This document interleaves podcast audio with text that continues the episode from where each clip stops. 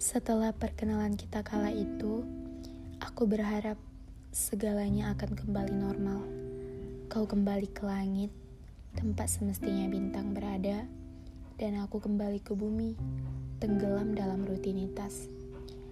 Hidupku selama ini sudah teramat tenang, dan aku tidak ingin secuil adegan perkenalan denganmu menjadi efek kupu-kupu yang merusak banyak rencanaku di masa depan. Hmm, percayalah, aku sudah pernah bergumul dengan asmara dan patah hati yang ditimbulkannya tidak berdampak baik. Aku tidak membutuhkan drama untuk saat ini. Namun, nahasnya sebuah Hai, apa kabar? Darimu kembali membuyarkan fokusku. Mati-matian aku berkata pada cermin bahwa perasaan untukmu hanyalah euforia sesaat yang akan hilang dalam hitungan hari. Semudah itu kau kembali menyeretku menjadi budakmu dan bayangan di cermin tertawa mengejekku. Makan itu cinta, katanya puas. Cinta selalu bersemi di tempat, waktu, dan situasi yang tidak terduga. Ia laksana mentari di tengah temaram, hijau di antara gersang. Cinta tidak pernah datang tiba-tiba. Ia akan mengendap-endap, menyusup ke dalam urat nadimu, meledakkan jantungmu, lalu meninggalkanmu terbakar habis bersama bayang-bayangnya. Dan aku hanya mampu menjadi korban dari kerinduan yang mencekik, yang tersenyum dengan pipi merona tatkala kau menyapaku.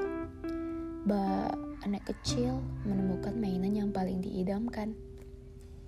Memimpikanmu terasa menyenangkan.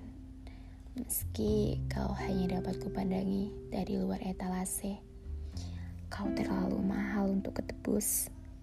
Atau apakah perlu aku menjadi penjahat saja yang mencurimu hanya karena aku tak rela orang lain menikmati keindahanmu. Ku tampar pipiku sendiri. Bukan, aku bukan anak kecil dan kau bukan mainan. Hatimu bukan untuk kucuri, melainkan untuk kuminta baik-baik. Sebuah "Hai, apa kabar?" mampu membuat seseorang gagal move on. Hmm. Aku mulai intens berbincang denganmu.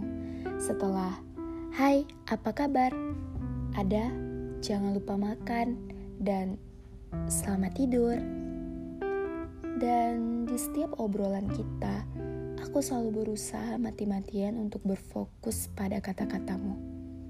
Sulit bagiku mendengarkanmu jika parasmu mendistraksiku lagi dan lagi. Kali ini aku tidak bisa mengelak. Aku yakin bahwa hatiku sudah ada di genggamanmu menjadi hak milik untuk kau rawat, atau mungkin kau hancurkan. Namun, tak perlulah aku berpikir terlalu jauh. Sekarang, yang terpenting adalah mengatur siasat agar posisi kita berimbang. Aku pun harus bisa menggenggam hatimu, karena entah kau sejauh langit atau sedekat langit-langit, bagiku kau bintang yang aku puja setengah mati.